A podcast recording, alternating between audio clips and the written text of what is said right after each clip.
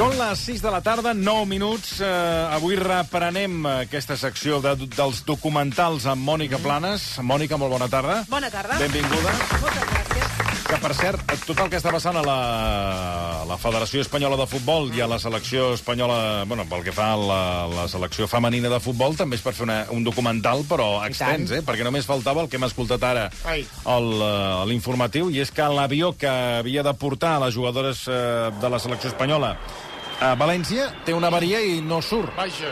Per tant, és que, és que és per fer un documental de tot el que està passant. que agafin un AVE, eh? des de des de la final del Mundial a, a tot el que està passant fins ara, espero que algú ja hagi demanat de portar la càmera dins Home, i que, és o que- que elles amb el mòbil estiguin gravant perquè realment les històries que segur que encara Home, no sabem i exacte. que sortiran i que, a més a més, sabem que donen molt de joc temàticament aquests documentals on els que controlen eh, tot el cotarro són uns ineptes. Ah, exacte. Eh? exacte. Que- que Home, sempre- que és, la, que, és, que és el que m'agrada dels teus documentals, que els que sempre han de controlar la situació són, són uns ineptes, uns és el idiotes. generen les millors Sí, sí, històries. sí, per això, per això, que estic molt intrigat a veure si tard o d'hora surt un documental de, del que està passant a, a la Federació Espanyola de Futbol, que m'ho puc imaginar, però segur que la realitat supera, supera en escrit la, la, la ficció. Bé, avui la Mònica Planes ha triat HBO Max, uh -huh. eh, amb un cas eh, bueno, basat en fets reals. No, no, No, vull dir que és fet real, Fets reals. però que després, eh, en fi, mm, doncs, pots imaginar-te d'altres coses. Perquè, Ha inspirat? Per això et dic. pel·lícules de terror, per això, per aquesta això, per història. això t'ho Ai, dic, que calla. després Ai, ens et, ai, et trasllada aquest documental... O sigui, patirem avui, eh? Bueno, Sí. sí. Patirem. Patireu, perquè, a més a més, us he de dir que aquesta sèrie documental són sis capítols de 40 minuts, El curioso caso de Natalie Grace, déu nhi sis capítols, eh? sis capítols de 40 minuts, per descomptat allargassats, amb dos capítols i mig ja fèiem. És molt inquietant i sensacionalista. Per tant, us aviso que mm, estareu un allò una mica angoixats i que, a més a més, el relat es recrea en accés en la part terrorífica no, d'aquesta no. història. Jo això no puc, Per jo tant, aneu No. alerta els que decidiu tirar endavant i saber més coses d'aquesta història, perquè no és un documental d'aquells que et pots asseure fàcilment i tranquil·lament, perquè la cosa es comença a fer una mica passadeta de rosca. Yo sí, yo, yo, yo, Sí, no, no, yo aprieto el botón. N'hi ha, ha que us agrada el, el, el tema i d'altres que, que Adelante. ja és més difícil. Fa per l'avant, eh? Fa per aquesta Sang i història. Sí, una mica. Ai. No, o sigui, no, no explícita, però molta amenaça. Jesús. A veure, per, comencem parlant de qui és Natalie Grace. Mm -hmm. És una nena de 6 anys que adopta una família nord-americana, que són els Barnett, i aquesta nena, a més a més, pateix una forma de nanisme, i per tant és una nena molt menuda, és una nena que té nanisme. L'any 2010, el Michael i la Christine Barnett tenien ja tres fills, eren tres nois que, a més a més, tenien necessitats especials. El gran, per exemple, tenia síndrome d'Asperger, però eh, era una família benestant, vivien en, una, en un bon barri, en una bona casa, feia 15 anys el matrimoni que estaven casats, tenien una casa molt gran, el mateix senyor explica que ell tenia tres cotxes, tenien a casa 13 teles i 14 sofàs. Caram. Els americans ho tenen, eh? I Sí. vinga a gastar, vinga, vinga, a xorro. És la seva manera d'explicar Que el nivell no de vida que problemes. portaven. 13 teles, eh? A I, xorro. I 14 sofàs. El nen, eh, el nen gran, amb Asperger, fins i tot va ser el protagonista del 60 Minutes, el famós programa Sí. de, de la televisió dels Estats Units, perquè tenia una intel·ligència matemàtica fascinant Fixa't. i van dedicar un episodi a explicar les necessitats especials d'aquest tipus de- d'autisme. Els pares van decidir crear una fundació a casa mateix per a aquests nens i la Cristín se'n feia càrrec.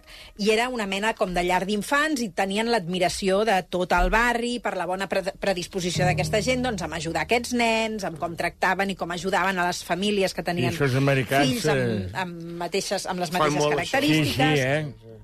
i decideixen que estan tan bé i els hi va tot tan bé que decideixen adoptar una criatura, perquè tenen molta sort i diuen, doncs, a veure, compartim la nostra sort amb, amb, amb més gent Això ho fan els americans. i uh, fan els tràmits per adoptar una nena a Haití. Però què passa? Hi ha aquell gran terratrèmol a Haití i Haití tanca les possibilitats d'adopció a l'estranger i, per tant, uh, tenen com aquella frustració de pensar, ostres, això ens, ara ens feia il·lusió fer-ho, no ho podem fer, i misteriosament reben una trucada d'un centre d'adopció dels Estats Units on els hi fan una proposta insòlita, i ho explica en Michael Barnett. Y de la nada recibimos la llamada de una agencia de adopción de Florida, Adoption by Shepherd Care.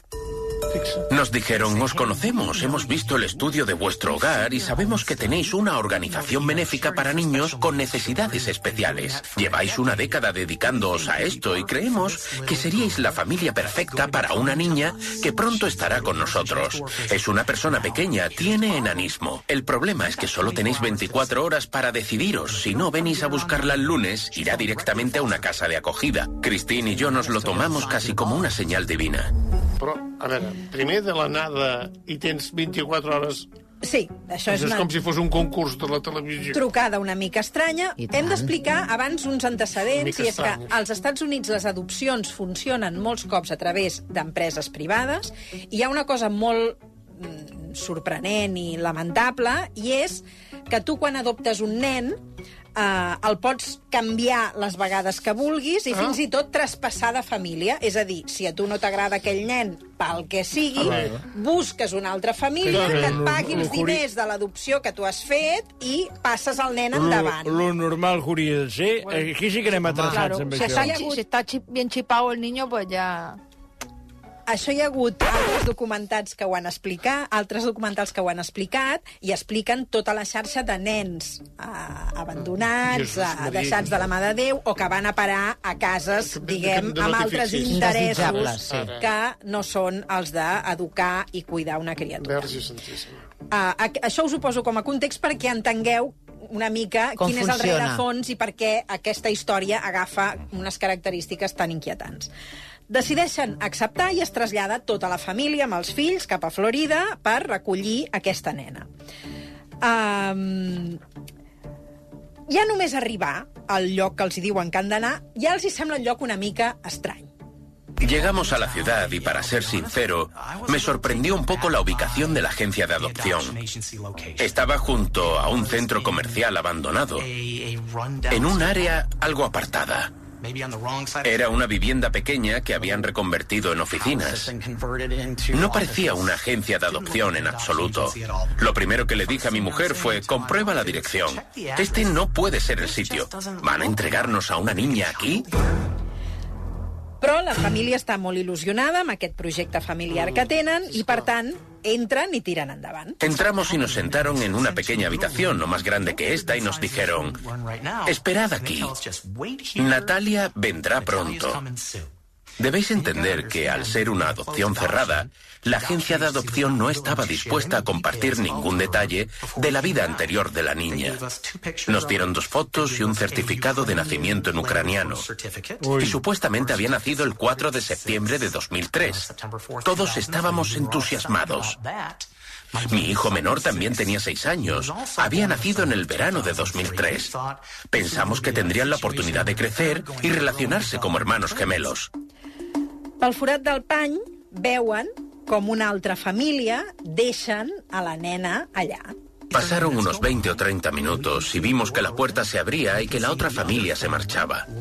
Como ya había sido adoptada antes, se trataba de la familia que la había tenido previamente. Natalia se quedó allí. La familia llegó, la dejó y se fue. No llegamos a hablar con ellos y pensamos, ¿cómo se atreven esas personas a abandonarla? Això és el que uh, tu ens has posat en antecedents que als Estats Units es pot fer. Es pot És fer. a dir, que Ho hem d'entendre uh, una molt, eh? família no... No està content, no està no. Pots canviar. És que és una cosa que... Claro, si no, queda satisfecho... no, no, no, és que no acabo ni... No me'n sé venir. No me'n sé venir.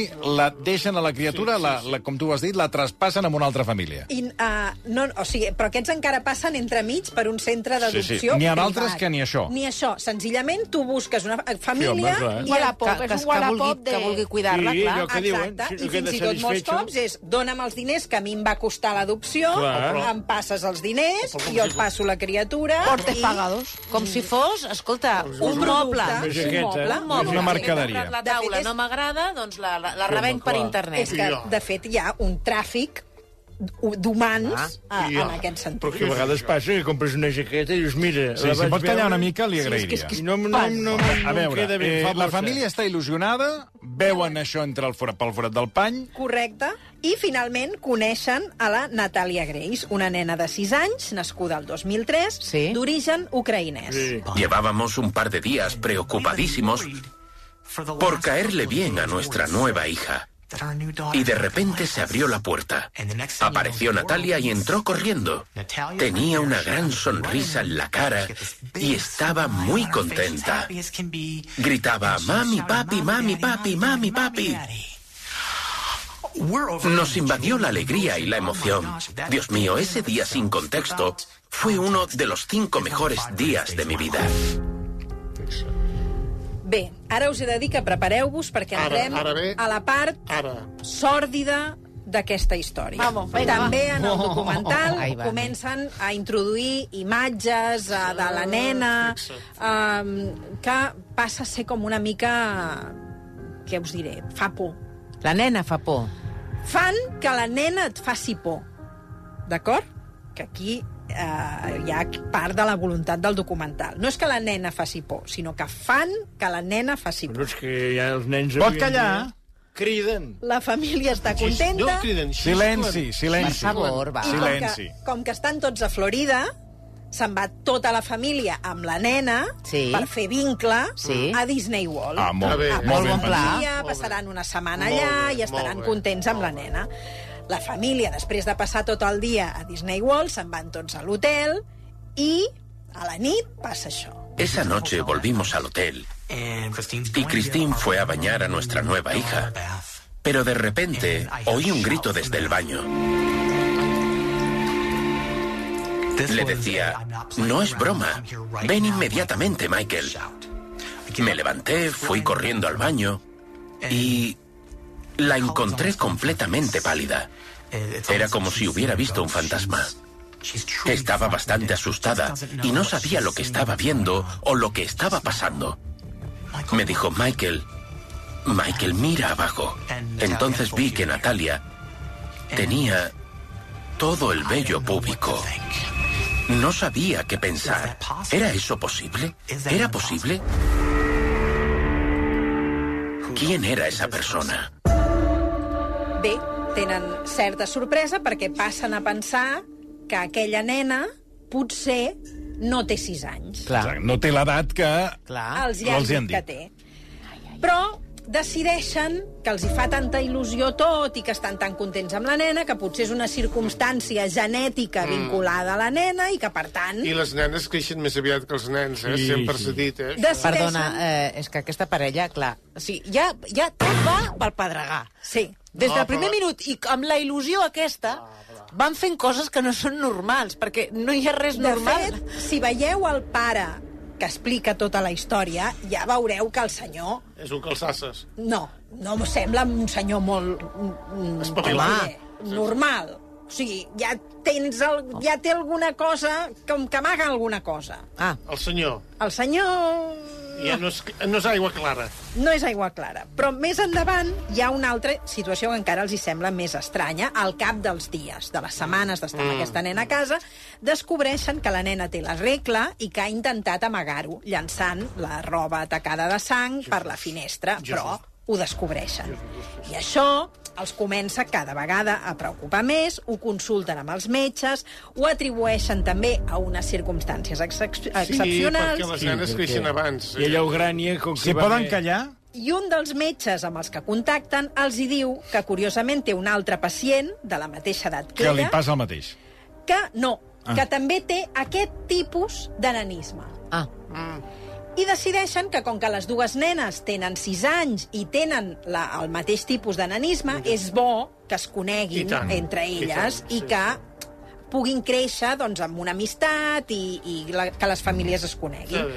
I quan es troben els pares, noten que les nenes no semblen de la mateixa edat, tot i que les dues tenen 6 anys. Cuando la otra niña llegó, Natalia era gigantesca en comparación, a falta de un término mejor. Sus estructuras craneales eran diferentes.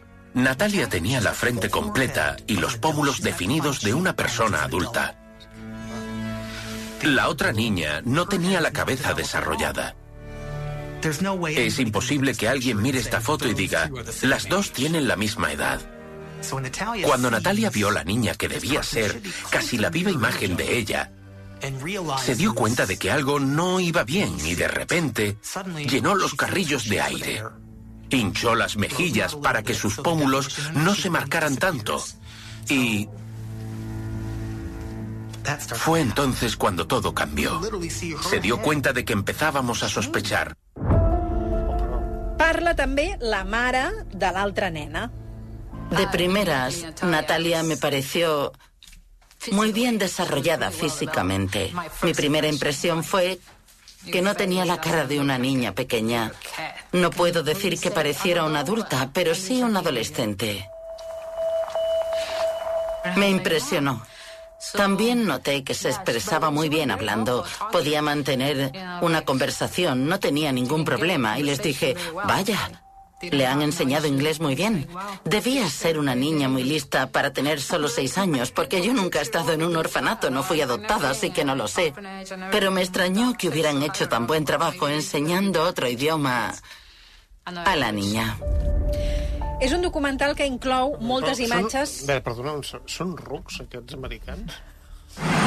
Al documental hi ha moltes imatges Això, està, això és una gravades. història real, eh? Història real. Real. No generalitzi, és una parella que Clar. no, no Són- semblaven són veure gaire la realitat. esperis, Que que no esperis, que no, esperis, que això només comença. Exacte. Um, en el documental hi ha moltes imatges gravades a casa amb el telèfon mòbil Sí. on interactuen amb la nena i que el documental aprofita per fer més inquietants encara. Converses, mirades, mm, situacions domèstiques, diguem. El que fan aleshores és... El que, o sigui, el que és estrany és que aquests pares també tenen una manera d'interactuar amb la nena que hi ha vegades que tampoc sembla que entenguin que aquella nena viu una situació traumàtica, és a dir, que ve d'una situació de moltes adopcions, que va néixer a Ucraïna, que ha passat per un orfenat, i intenten, davant de les sospites, interactuar amb la nena d'una manera que tampoc és la manera normal que interactuaries amb un nen, o fins i tot pensant que no té 6 anys, però Un adolescent. en té 10 o 12, Mm. dius, home, tampoc és la manera de tractar una criatura. Adoptamos a Natalia porque queríamos ayudar a una persona que corría el riesgo de no ser querida nunca. Pero cada vez que le decíamos, eh, háblanos del orfanato, háblanos de la gente que conocías allí. Nada. També li demanen que parli ucraïnès. I clar, dius, hi ha molts nens que han perdut l'idioma que, que Bueno, van... però eh, algú recordes, eh? Clar. Quan estàs a la panxa, No, home, de mi no. senten, eh? Però aquesta manera, quan hi ha una situació traumàtica de preguntar les coses, que Això de, és una família... De la... És que clar, li diuen, eh, Eh, parles, tu. parles de, de, de l'orfenat. Però què és això? Tu, va, di, Pues di, claro, pues, pues si vienen visitas, pues normal, ven, niña, habla ucraniano para pa Molo. la Molt bé. un visita. poema. El clima familiar tampoc sembla molt adequat No. perquè un nen acabat d'adoptar estigui còmode. També esperaven això, que la nena parlés ucraïnès i eh, aquí arriba una part, mm, què us diré, sòrdida que el documental recrea. És a dir, aquí fan imatges que, que recreen d'aquesta situació que, se- que sentireu ara. Desde el principio, Natalia hizo todo lo posible para causar daño o angustia mental a toda la familia. Mi hija adoptiva intentó envenenar y matar a mi mujer. La sorprendimos de pie, junto a nuestra cama, con un cuchillo. Obviamente era peligrosa. Llegados a ese punto, ¿qué hicimos? Llevarla al centro de estrés. Però, perdó, La perdó. senyora Fletcher avui no pot sortir de l'estudi perquè No, no, està- està, està en xoc. està, està en bucle aquí. impressionada. És, Mai és un, havia vist un cas semblant. Això és realment espectacular. No un cas real. Un cas real. totalment real. Enteneu ara per què ha inspirat pel·lícules de Home, por? Es veu que hi ha una pel·lícula que es diu La huérfana, que més Ah, o sí, menys sí. eh, és això. Jo no les he vist perquè aquestes I Hereditari. pel·lícules a mi... que es de una niña Yo, también eh. que tiene un síndrome... La nena passa a manifestar clarament la voluntat de matar els seus pares adoptius i el seu germà. Els amenaça clarament, els hi diu, la meva els intenció és aquesta, ho escriu en uns papers, Que guapo. fa dibuixos on explica, dibuixa la casa Vivint i a bye, la- vivint a la bye, bye Michael, bye bye Oh, que bonito. uh, Christine i els hi comunica clarament, i és una nena amb Que els certa pelarà. A anar a buscar els ganivets de la cuina per i quan tothom està dormint, els va a buscar, s'acosta allà. i Tot això és el que expliquen, insisteixo, el Michael i la Christine. Com la Dorbolski. Des- També la- fa el mateix, a la nit em volia, em volia allò, em volia és fotre la veritat, insulina. és veritat. A l'Àngela. No es verdad, estaba yo cuidando a ti. Amb la insulina. Era medicina que necesitabas. Medicina, si em vas deixar com un pollastre. Sí, yo estoy de súper bien. No sé qué dices. és, és, és com si estigués fent la, la sèrie la, de la Dorbolski. Bé, la veritat és que realment hi havia un ambient en aquella casa. Però ells vivien junts? O sigui, no... no... El matrimoni en aquell moment eh, vivia... No, no, però em Però un refereixo... moment, a no, veure. no, no, Tota vull dir que, família, que, tota que, que després de les... La família. No, vull dir, tu, després de les amenaces de mort i això que fa... Bé, aquesta... Què fan amb ella? tots primer acaben amagant ganivets, tancant-se tots a l'hora de dormir, tancant-se amb panys Però no la porten Home, a un metge o algú que Ara, la ara, Centre ara. d'estrès, Ah, ja l'hagués la ingressen en un centre, els metges confirmen que realment, després de fer-li dive- diverses, uh, diversos Proves. estudis i proves, confirmen que segurament és una nena més gran o adulta, la internen fins al, fins al punt que la internen a l'ala d'adults d'un hospital. Allà també passen coses molt rares, perquè metges i malalts acaben atemorits per Però Natalia Grace. És com una pel·lícula aquella del Sí, satanàs. sí, és, pel- és, és, és un documental per programar al Festival de Fins i Sitges. tot hi ha algun tipus d'assetjament sexual a alguns uh, pacients que estan a l'hospital. sí, sí, sí. Els Barnett decideixen investigar el passat de la Natalia Grace i descobreixen que hi havia hagut aquella família que havia retornat a la nena i troben uh, dades d'aquesta família. En 2009 asumieron que su comportamiento era demasiado difícil de manejar o no lo sé, pero está claro que los chicones decidieron deshacerse de ella. Optaron por una adopción cerrada, sin dar prácticamente ninguna información sobre ella, aunque cometieron un error. Dejaron sus datos en una de las etiquetas del equipaje, por lo que los Barnett pudieron localizarlos. A los seis meses de tenerla, los Chicone empezaron a llevarla a convenciones de personas pequeñas para intentar que alguien la acogiera. Oye, sois una pareja de personas pequeñas, no tenéis hijos, ¿queréis una? Tomad. Encontramos a dos familias diferentes a las que intentaron dársela. Una de ellas se la llevó durante cuatro meses. Luego les pidieron 30 mil dólares, pero como no los tenían, la devolvieron. El documental recull tot de testimonis que expliquen com aquella família anterior als Barnett, els Barnett assistia a aquestes uh, trobades uh, de persones amb nanisme intentant encolomar la nena a alguna família. I aquestes famílies també són entrevistades en el documental. La denúncia per l'estafa de l'adopció acaba d'una manera surrealista. Un jutge reassigna l'edat de la nena, presumptament, us recordo, presumptament nascuda al 2003. Ara veureu que la manera de reassignar l'edat a la nena, a una nena amb nanisme, és bastant nyap. El juez tenía una petición preparada por un abogado que exponía los argumentos de por qué esa persona no tenía ocho años. Creían que en realidad era adulta. Nadie sabía muy bien qué edad podía tener, pero no había crecido en cuatro años. Así que al juez se le ocurrió su propia fórmula. Normalmente se deja de crecer a los 18 años. Si no ha crecido en cuatro años, entonces es que tenía al menos 18 cuando entró en sus vidas. Y a eso debemos sumarle cuatro años. Y concluyó que tenía 22. Però què, què és aquest càlcul? Lògic. Però no hi, ha un, me- no hi ha un mètode científic per saber modo. quina edat té una persona? Amb Aquí- tot el que ha avançat la ciència. És tot... Tal com ha dit saber Dani, a grosso modo. Mira, seran 18 por, y 4, Home, sí. 22. Quan fan l'autòpsia per les dents ho saben, l'edat que té més o menys la persona. Per 22. Tant, passa de ser una nena de 8 anys 6 o 8, sí. a 22. Està bé. A partir d'aquest moment, la història ja surt de mare.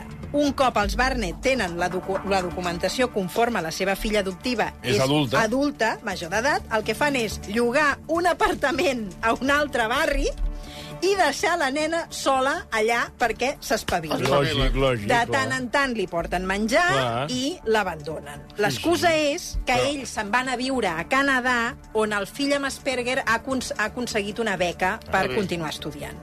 Per tant, tenim una noieta amb nanisme, d'edat indefinida, sola, en un carrer de casetes petites molt familiar.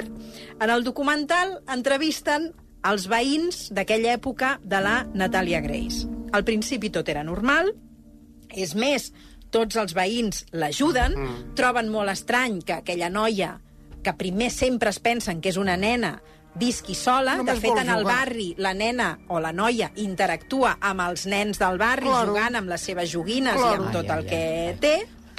La noia sí que troba... La Cailà ja... M'estic posant molt nerviosa ja, d'imaginar-me tot el que pot arribar a passar.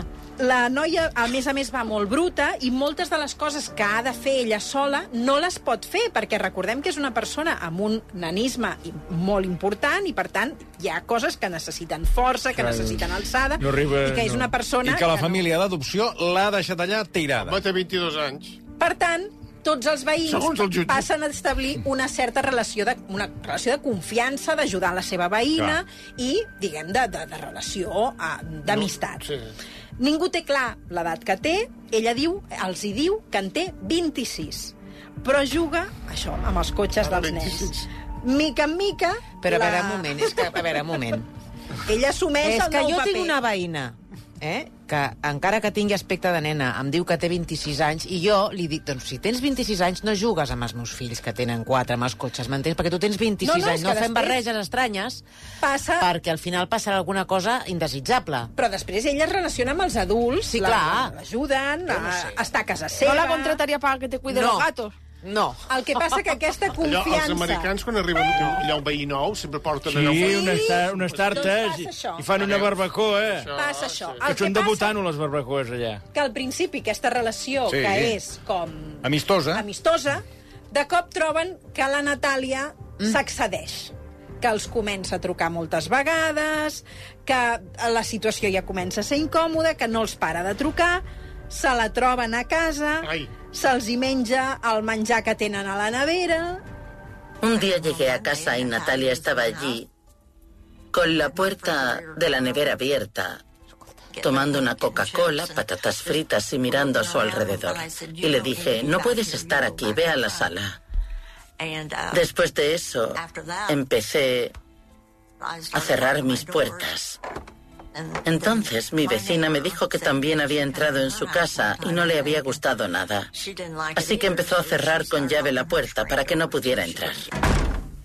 Una cosa que fan molt els americans Deixen en tot segons obert. quins barris és que ho deixen tot Sí. obert, no tanquen mai les I els portes. garatges i tot obert. Doncs amb aquell veïnat tothom passa a passar la clau i aquí no només la clau de la porta de casa, No, sinó tot, tot, tot. les claus de les habitacions de cada persona. Quan se n'anaven a dormir es tancaven amb clau a dintre.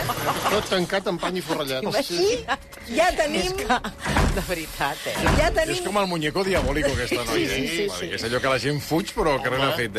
tenim tot el veïnat desesperat, atemorit, fan reunions entre els veïns perquè no saben què fer, tothom passa a tancar-se amb pany i clau, I la família al Canadà. i el pitjor, la família al Canadà, i el pitjor és que fins i tot quan es tanquen, la nena continua apareixent a dins de casa. Com? Però, com? Jesús, però, però no entra per la xemeneia. També passa a fer insinuacions Per la sexuals gatera, per la a alguns homes del veïnat, Fixa't. a assetjar nens, van, el van trobar, van haver-la de parar perquè estava descordant els pantalons Ai, ai, a un ai. nen, I ara, i Jesús, Maria, Josep. els veïns expliquen com la Natàlia, amb molta naturalitat, decideix explicar-los el seu passat. No fue hasta que empezó a hablarme más en profundidad de la historia con su familia cuando me dijo, intenté matar a mi madre. Así que le pregunté, bueno, ¿y qué pasó? ¿Cómo intentaste hacerlo? Los amenacé con un cuchillo, así que se llevaron todos los cuchillos. Y luego intenté envenenarlos, así que tuve que vivir en el garaje un tiempo. Era como un asesino en serie o algo así. Daba miedo la ligereza con la que hablaba de un intento de asesinato. ¿Y qué? Sí, bueno, le saqué un cuchillo a mis padres. ¿Y qué? Esa era su actitud al respecto. Ha un dia... Y nos quedamos como... ¿Qué? ¿Qué hacemos con esta información? No somos trabajadores sociales. No somos terapeutas. ¿Por qué nos dices eso? Hi ha un dia que fins i tot la Natàlia Grace mateixa truca a la policia per dir tinc molt mals pensaments, vull matar a tots els veïns del uh, meu barri. I diu, vinguin ràpid perquè tinc uh, la necessitat de Mira, va matar tenir una mica de seny aquí. els com a mínim. veïns del barri. va trucar la policia abans d'actuar. Però per què no la... A veure, aquesta noia és evident que té un problema, no, no la internen en un... Però al, almenys va trucar. Almenys va trucar, aquí va tenir una mica de seny la perquè nena, hi ha- la n'hi ha- noia. N'hi ha que ho fan sense trucar. Exacte. Voleu saber com continua la història? Home, clar, Ah, per favor. clar que volem saber. El curioso caso de Natalia Grace, HBO Max, sis capítols de 40 minuts. Anda ja, tio. Però què fan? Expli- Explica'ns una mica. Ah, és que aquí ja... Sí, està ara... Faria Amenaça spoiler. Exacte. S'ha de veure el documental. Només us dic que se'n va a un altre veïnat. Mare de Déu. Però a Barcelona no viene, ¿no? No, de No, momento no. Bueno, és igual, vas- jo em fa l'efecte que en tenim tres o quatre. De quin any és això? Vull dir, de, de qui, 2010. O sigui, on, on hem de situar la... La nena l'adopten el 2010. Uh, O sigui, la pregunta és, eh, és viva aquesta noia? Sí. O sigui, pot ser que estigui a Barcelona perfectament. No, i aquí, com atenció, que ens, ara que parlem de coses que han passat aquí, ens ha escrit un oient que diu el que està dient la Mònica Planes va passar a Banyoles... Què? I la mare era de Vilobí d'Unyà. Com? Que no sea la Miriam ahora, Un cas que la similar. Miriam. Un cas similar. La Miriam no quiere No, no ens ha donat més detalls, aquest oient. Aquí se Aquí no entrem, en el eh? cas de Natàlia Grace, Exacte. Aquí estem per família Natàlia als Grace. Estats Units. El cas encara està en una situació de judi i us he de dir, el problema no només és Natàlia Grace, I fins aquí. d'acord? És a dir, Sí, sí. I fins aquí. hi havia una situació de família, també... Però que als Estats Units, si passa això que la nena t'entra a casa, allà hi ha la llei que si t'entren a casa pots disparar, eh? I la gent A tot això tenim casa. última hora de les jugadores Ai. del Futbol Club Barcelona que anaven amb la selecció eh, que estaven a A l'aeroport del Prat. No, a Havien- València no hi ha arribat. Havien d'anar a a València. Havien d'anar a València, però l'avió estava espatllat. Sí. Resulta que, pel que sabem, l'avió ja l'han arreglat mm. i aleshores les han cridat per megafonia, però les jugadores han, des han desaparegut. Ai, Durant una llarga estona no apareixien. Hi ha hagut uns certs nervis fins que, quan ja l'avió, ja el comandant ja començava a dir rampes i crotxets, han Ai, ai, aparegut ai, ai. corrent perquè s'havien equivocat, no se sap, sap on havien anat, i han aparegut corrent i han embarcat. Pobres, quin estrès aquestes jugadores aquests dies Que no els hi està tocant patir. Vull dir que ara ho explicarem perquè és la- l'última hora que hem conegut de que finalment, ara i ara ves amb un avió que tu saps que l'han arreglat. No, home, però, però no, no, no, no el farien servir si no estigués en bones què- què condicions, insinues? no? No, que, no, dic que psicològicament... Tindria por. A mi m'ha passat, també, por, a mi no? m'ha passat. Faria Jo, por. jo, jo he, he anat a volar, eh, o sigui, un, amb un viatge a Atenes, a Grècia, me'n recordo que eh, l'avió va tenir un retard perquè havia una averia o havia un Ui. problema. I ja no puges, ja no puges No, segur. després vaig pujar. Però quan, quan puges psicològicament, permanentment, si ets una mica cagat, Te que cagues del cul. gremi cagat, Te cagues al cul. vas pensant, hòstia, espero que ho hagin arreglat, això. No, vull dir que només falta la càrrega aquesta de que l'avió, saps? Si no hi ha cap problema i puges, no hi penses. Però si has de pujar-hi i resulta que hi ha un moment perquè hi ha un problema i no podem pujar i l'estan arreglant, doncs, home, et ve una mica al cap de aterriza com puedes. Jo no hi pujo. Jo no hi pujo. Tot i que potser també tens més garanties que l'avió està més revisat que mai. Eh, mira, només et diré una cosa i ho tancaré amb un altre documental. El documental de El vol d'Spanair. Home, Bona tarda, Mònica. per favor. Versió RAC 1